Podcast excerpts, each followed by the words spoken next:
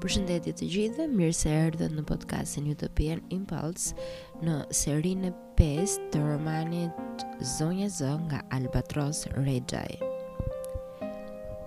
Aroma e skandalit.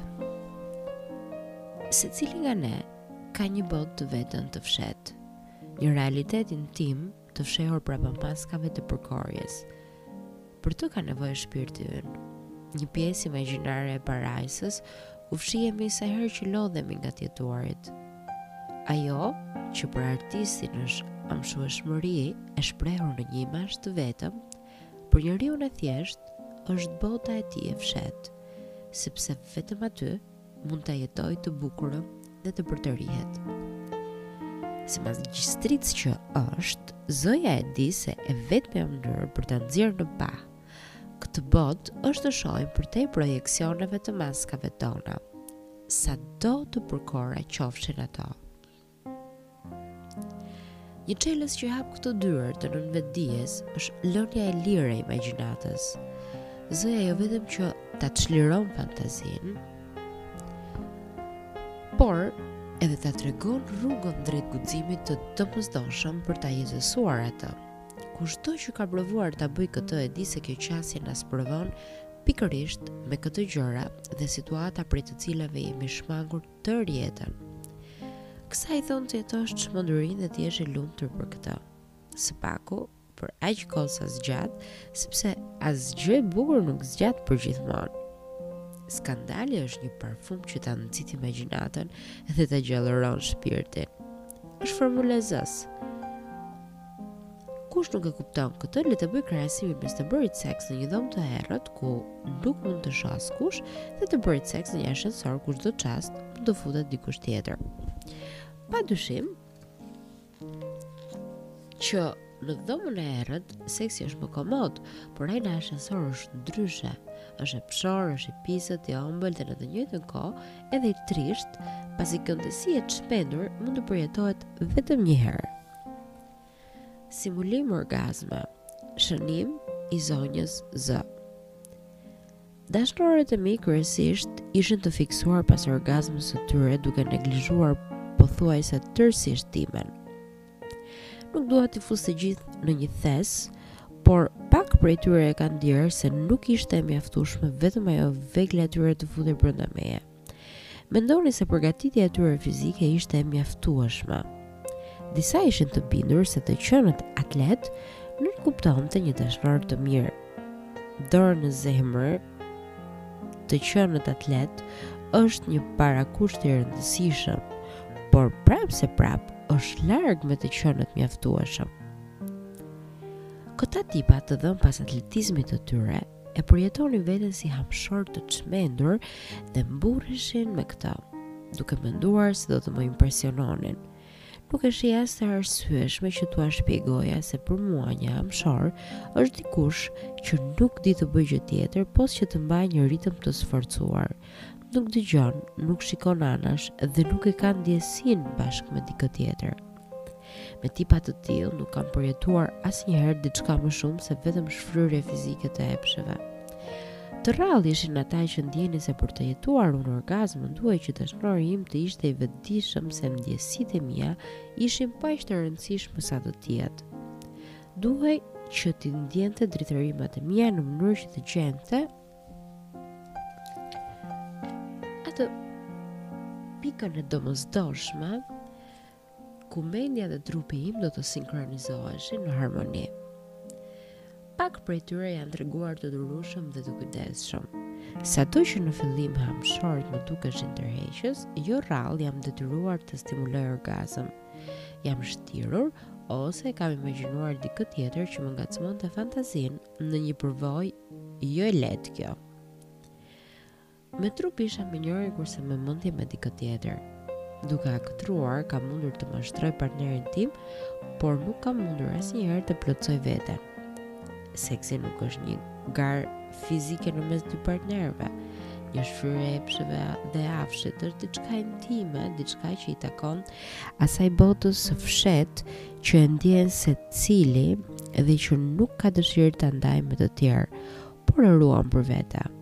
Prandaj, edhe nuk më pëlqen kur njerëzit pavarësisht janë meshkuj apo femra, i tregojnë të gjithë botës se kanë shkuar me filanin apo filanen dhe pastaj lëshohen në detaje akoma më banale. Mendoj se shqiptarët, meshkuj e femra, kanë problem me botëkuptimin e tyre mbi seksin. Madje kam përshtypjen se nën presionin e skemave shterpe të moralit, nuk kanë mundësi të zhvillojnë ide të veta për të. Çdo qenie njerëzore, mashkull apo femër, në heshtje e ushqen një fantazi të caktuar erotike. Por me aq sa kam parë unë, meshkujt shqiptarë e kanë shumë të vështirë këtë fantazi ta realizojnë me gratë apo të dashurat e tyre, sepse tremben se ato mund të prishen moralisht. Në anën tjetër, për po të njëjtat skema morale, nga frika se meshkujt do të mendojnë se ato janë të përdala, femrat ngurojnë të shprehin fantazitë e veta. Çfarë i duhet një femre? Të bëjë seks apo të bëjë dashuri? Që të dyja, jo veçmas nga njëra tjetra, por që të dyja përnjëherësh. Butësinë dhe afshin nuk mund t'i ndash, sepse pasioni lind si afsh, por mbijeton vetëm falë butësisë. Dua të ndjej hamshorin brenda meje dhe të ulërij. Jepi bisha ime, por edhe dua që në të njëjtën kohë në sytë e tij të shoh butësinë e një engjëlli. Në shtrëngime të ndjej kujdesin, të ndjej frikën se mos po i thyhem në duar.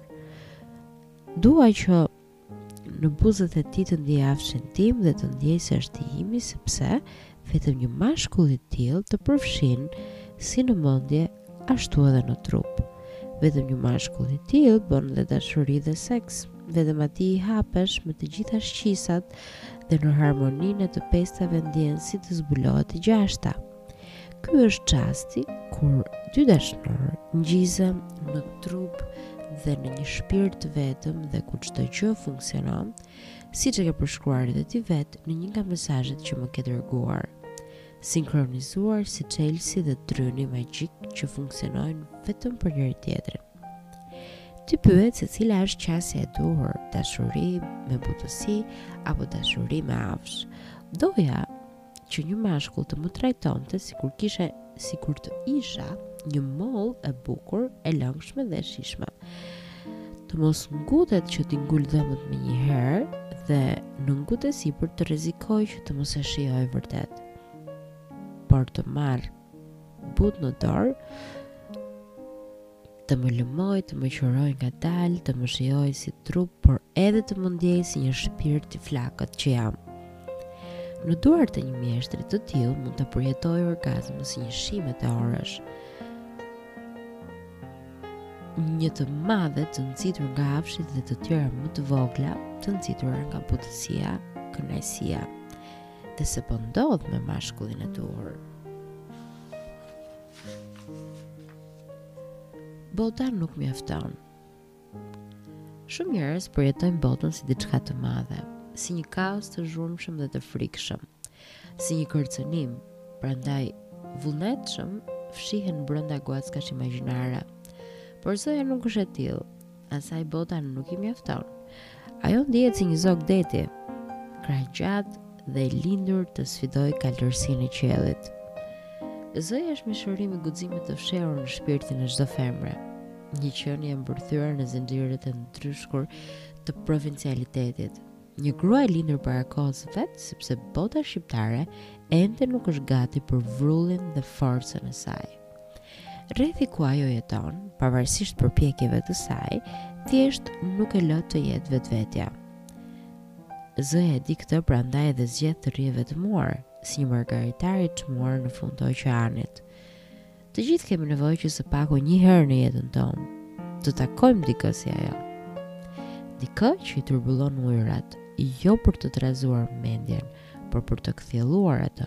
për të kuptuar nevojën se duhen sfiduar njëtrajtshmëria dhe mbi të gjitha për të respektuar dhe vlerësuar të bukurën. Kur seksi ndërhyn në politikë, shënim i shkurtër i zonjës Z. Politikanët e këtij vendi, frustrimet e tyre në shtrat po i shprehin suksesshëm në politikë. Nëse nuk më beson, ndiq cilëndo mbledhje të kuvendit të Republikës dhe do të shohësh se si asnjë nga përfaqësuesit nuk e dëgjon shoqi-shoqin, por të gjithë ulërijnë dhe shpërfillen. I trajtojnë rivalët politikë ashtu siç trajtojnë dashnorët, në publik i injorojnë, ndërkaq larg syve të opinionit duhen me pasionin e atij që e mban epshin të fshehtë. Por unë nuk do të mund të hesht kurrë ndaj atyre që ushqehen me dhimbjen dhe frikën tonë. Kinse udhëheqësit tanë të nderuar janë ata që mjelin çdo gjë nga bota jonë e vogël dhe e lodhur.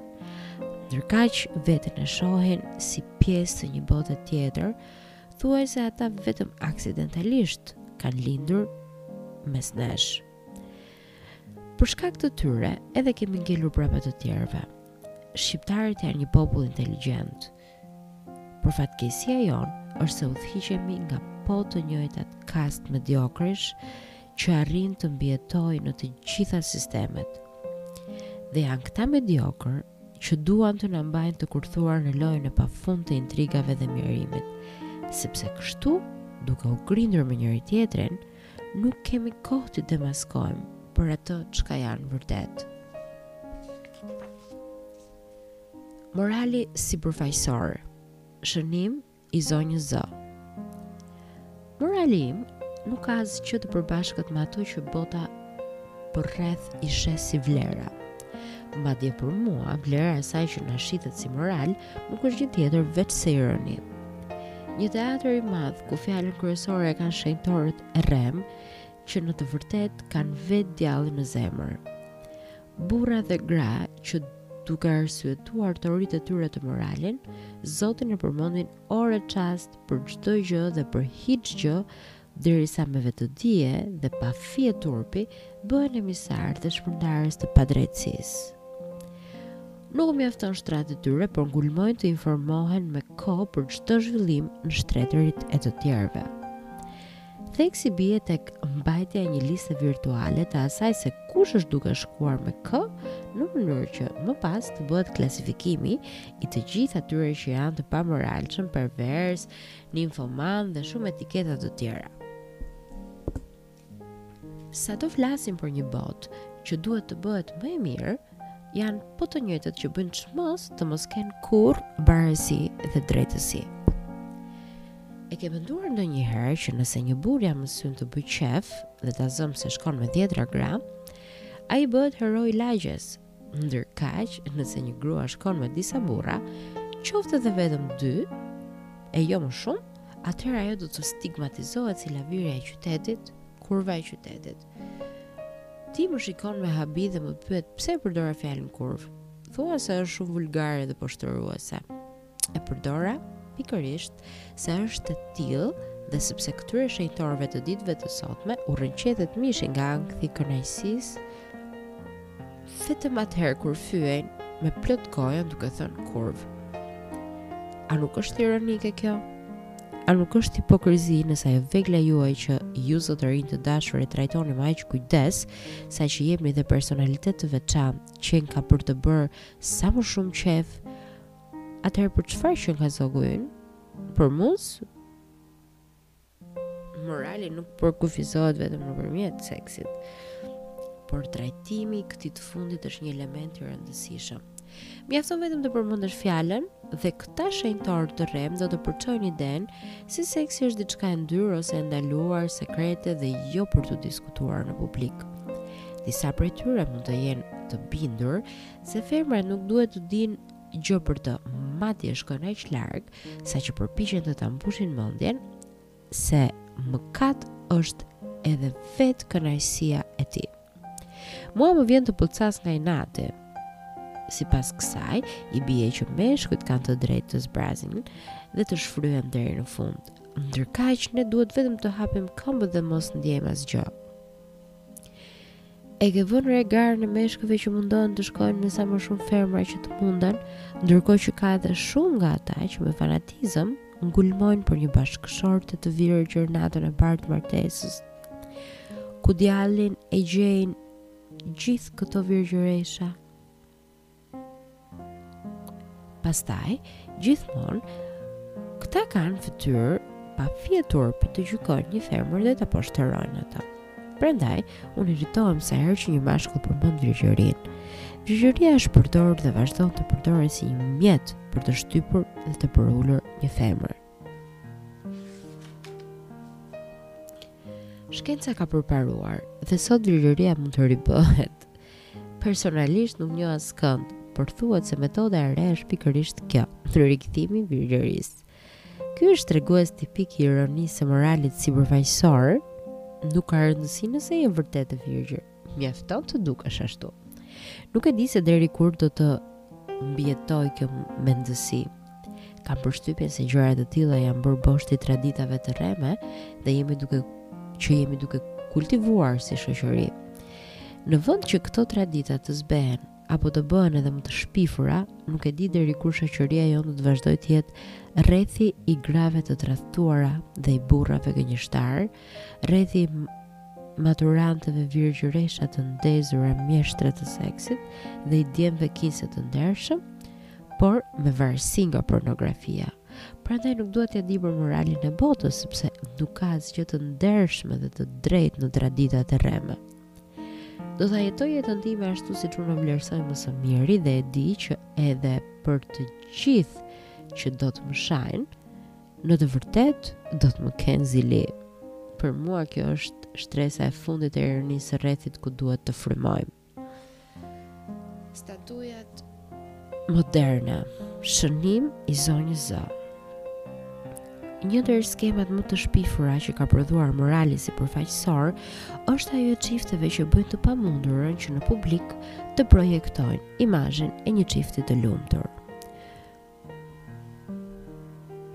Mund t'i shohësh nëpër bare, restorante, të ulur përballë njëri-tjetrit, si statuja të zymta me shikime të humbura diku në një pikë, pa ndërruar as edhe një fjalë të vetme. Njësoj si të ishin dy të palumtur.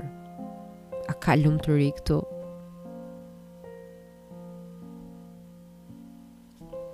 Janë po këta që kur shkojnë në gosti, burrat luajnë rolin e partnerit serioz, por në të njëjtën kohë tinës vëmendjen e kanë te këngëtaret dhe beqaret e lira. Atëherë fiksojnë një femër që u pëlqen dhe do të bëjnë të pamundurën që t'i marrin numrin e telefonit. E nëse nuk ia marrin numrin, atëherë së paku emrin në mënyrë që më pas ta gjejnë në Facebook. Në prapavit të gjithë kësaj, si të ishin të programuar për shumë funksione përnjëherë, nuk do të harrojnë që dashnoreve të veta kohë pas kohe t'u dërgojnë mesazhe ku t'u thonë se duan vetëm ato dhe se vetëm detyrimi po i mban në atë gosti.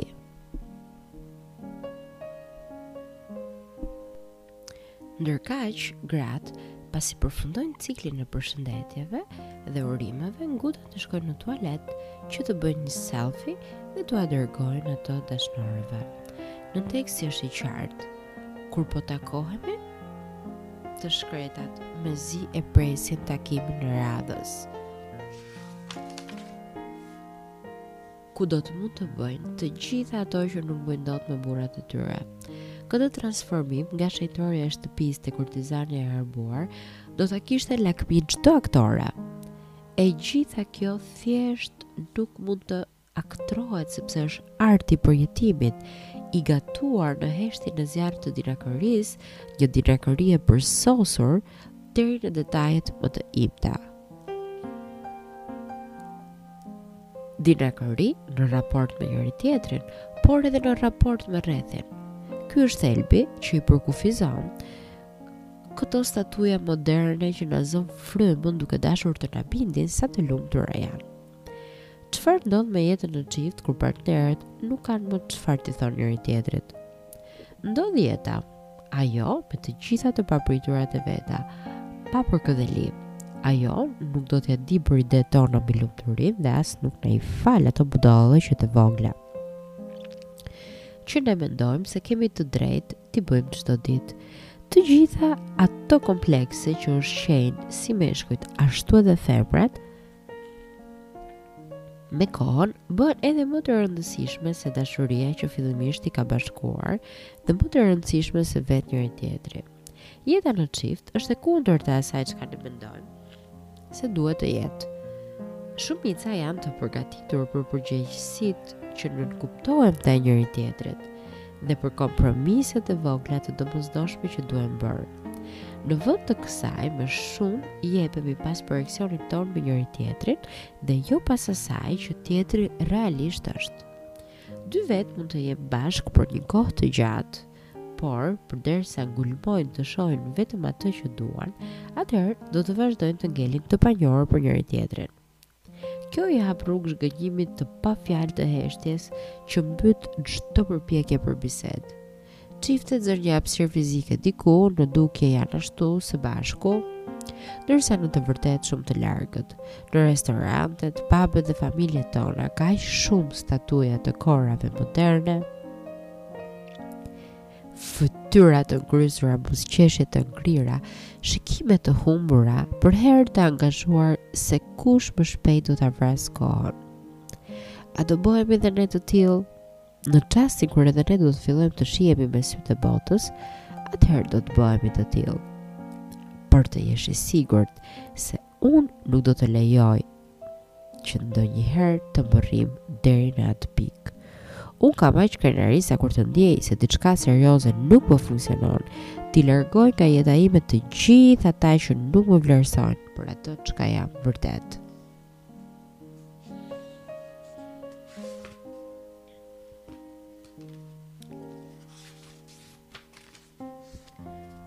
Iluzioni Shënim i shkurtër i zonjës Z.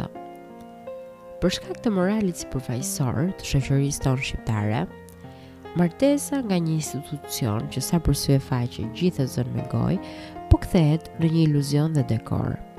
Jo pak nga meshkujt e fuqishëm, qoftë të politikës, biznesit apo artit, edhe pse martohen, vazhdojnë të shkojnë me femra të tjera.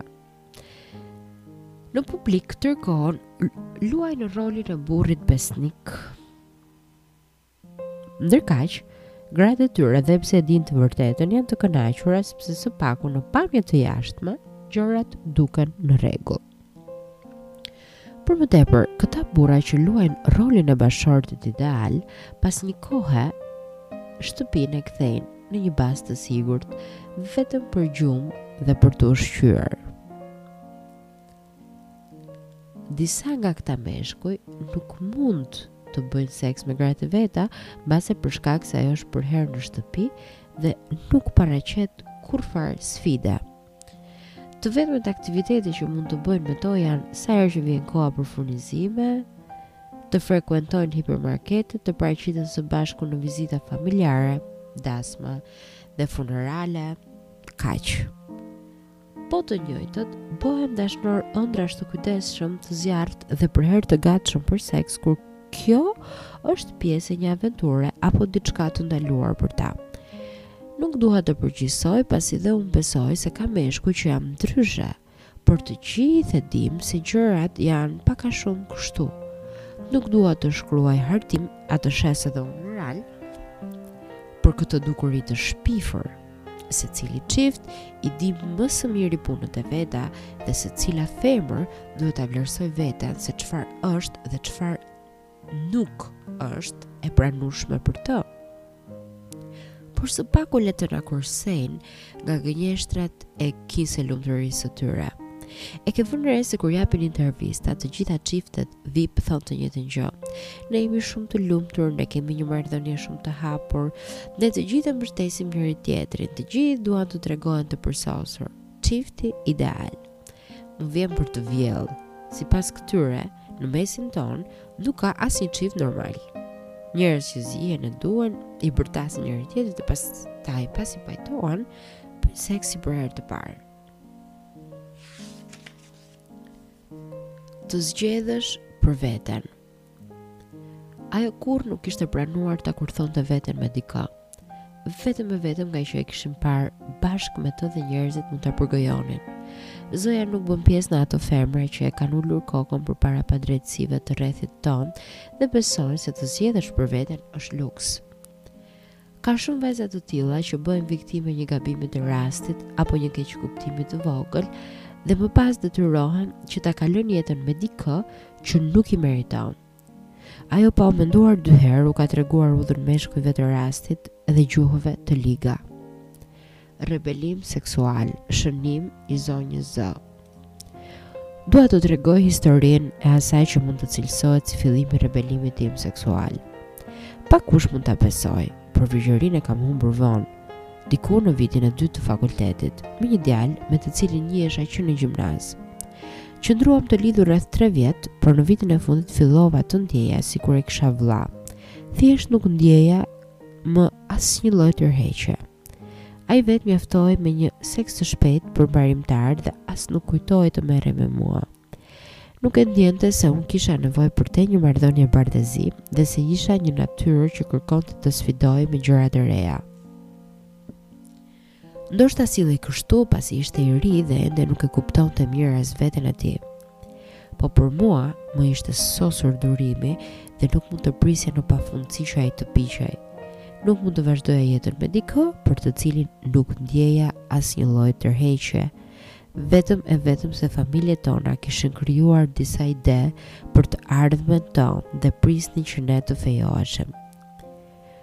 Kur i bisedoja këto me shoqet e mia, ato më etiketonin si të çmendur. Sipas tyre, nuk kishte fort rëndësi çfarë ndjeja gjatë seksit, por kishte rëndësi të ruaja lidhjen me çdo kusht. As familja dhe as shoqëria ime nuk donin të kuptonin se unë nuk mund ta imagjinoja veten si një femër që duhet vetëm të hapë këmbët dhe të jetë në shërbim të dëshirave të dikujt. Nëse i dashuri im kishte nevojë për dikë që të zbraste koqet, atëherë për aq sa më intereson mua, ai edhe mund të masturbohej, nuk e kuptoja pse kënaqësia e tij duhet të vinte pas times. Pavarësisht pritjeve të familjes time dhe kritikave të shoqeve të mia, vendosa të ndahem. Në fillim kisha pak dilema se mos ndoshta po ngutesha, por në çastin kur ia komunikova dyshimet e mia, kuptova se sa të drejtë kisha që po e braktisja. Ai as që ishte i vetëdijshëm se diçka po vlonte brenda meje. Mendonte se gjithçka shkonte mirë mes nesh dhe që e kishte ndjerë dhe as që e kishte ndjerë pakënaqësinë time. Për mua ky ishte kulmi. Ka gjasa që edhe sot e kësaj dite të më quajë të çmendur, që prisha parajsën midis nesh. Nëse historia me vëllanë tim ishte çasti kur isha liruar nga kthetrat e skemave që impononte mendësia e nënës time, pakujdesia dhe arroganca e të dashurit tim ishte çasti kur ndjeva se duhet të lirohesha nga kthetrat e skemave me të cilat jetonin shoqet e mia. U rebelova dhe fillova një kapitull të ri. Doja të eksploroja deri në fund seksualitetin tim dhe të zbuloja atë shkëlqimin e trëndafiltë që ndjen një femër kur plotësohet seksualisht dhe shpirtërisht. Këtu filloi periudha intensive e jetës time, ku për disa u bëra një yll i paarritshëm, për disa një e përdalë e për disa të tjerë vetëm një e çmendur. Pakkush e kupton se jam vetëm një shpirt i rebeluar. Lista Shënim i zonjës Z Kur je vajzë të thonë Një vajzë e mbarë shoqërohet vetëm me një mashkull. Një vajzë e mbarë kthehet në shtëpi para darke, pasi është turp nëse endet rrugëve vonë. Një vajzë e mbarë ka marrëdhënie seksuale vetëm atë që do të martohet. Një vajzë e mbarë nuk pi cigare. Një vajzë e mbarë nuk bëhet tapë dhe nuk shoqërohet me ata që bëhen tapë edhe që bëjnë marrëzira. Një vajzë e mbarë. Mos ndoshta është robot. Pastaj kur të martohesh, të bëjnë me dije. Për një grua të martuar dhe të ndershme nuk është e hijshme të ketë shok. Shok ke burrin dhe s'ke nevojë për tjetër. Po gabove dole për kafe me një shok, atëherë përhapen llafe. Një grua e martuar dhe e ndershme nuk del vetëm, aq më pak natën ose të kthehet vonë në shtëpi. Për çdo të dalë, duhet të marrësh leje burri dhe të mos harrosh të cekësh orën se kur do të kthehesh. Një grua e martuar dhe e ndershme zbukurohet vetëm për burrin. Nëse e mban veten më tepër se sa duhet kur shkon në punë apo kur del, atëherë bie që po zbukurohesh për ndonjë tjetër. Një grua e martuar dhe e ndershme. Mos ndoshta është e burgosur, Ja, kështu vazhdon të përpëlitet femra shqiptare. Ajo vazhdon të shihet si një pronë e burrit që e ka në duar fatin dhe jetën e saj. Ai e ka këtë fuqi shumë më parë se ta cak, se ta takojë atë. Për këtë, ajo duhet të tregohet vajzë e mbarë dhe të qëndrojë në pritje të ardhjes së madhërisë së tij. Unë nuk mund të duroj marrëzira të tilla, pasi dhe kam refuzuar që të jem vajzë e mbarë. As që mund të imagjinoj veten si një e martuar, përderisa ndershmëria shihet vetëm në këto filtra. E di se për këtë shumëkush më sheh si të çmendur, por mua kjo nuk më bën përshtypje. Më mirë e çmendur që jeton të vërtetën sesa një kukull që dehet me gënjeshtra të bukura. Më pëlqen shumë ky varg i yti. Kështu jam edhe unë. Dhe këtu po e mbyllim edhe serinë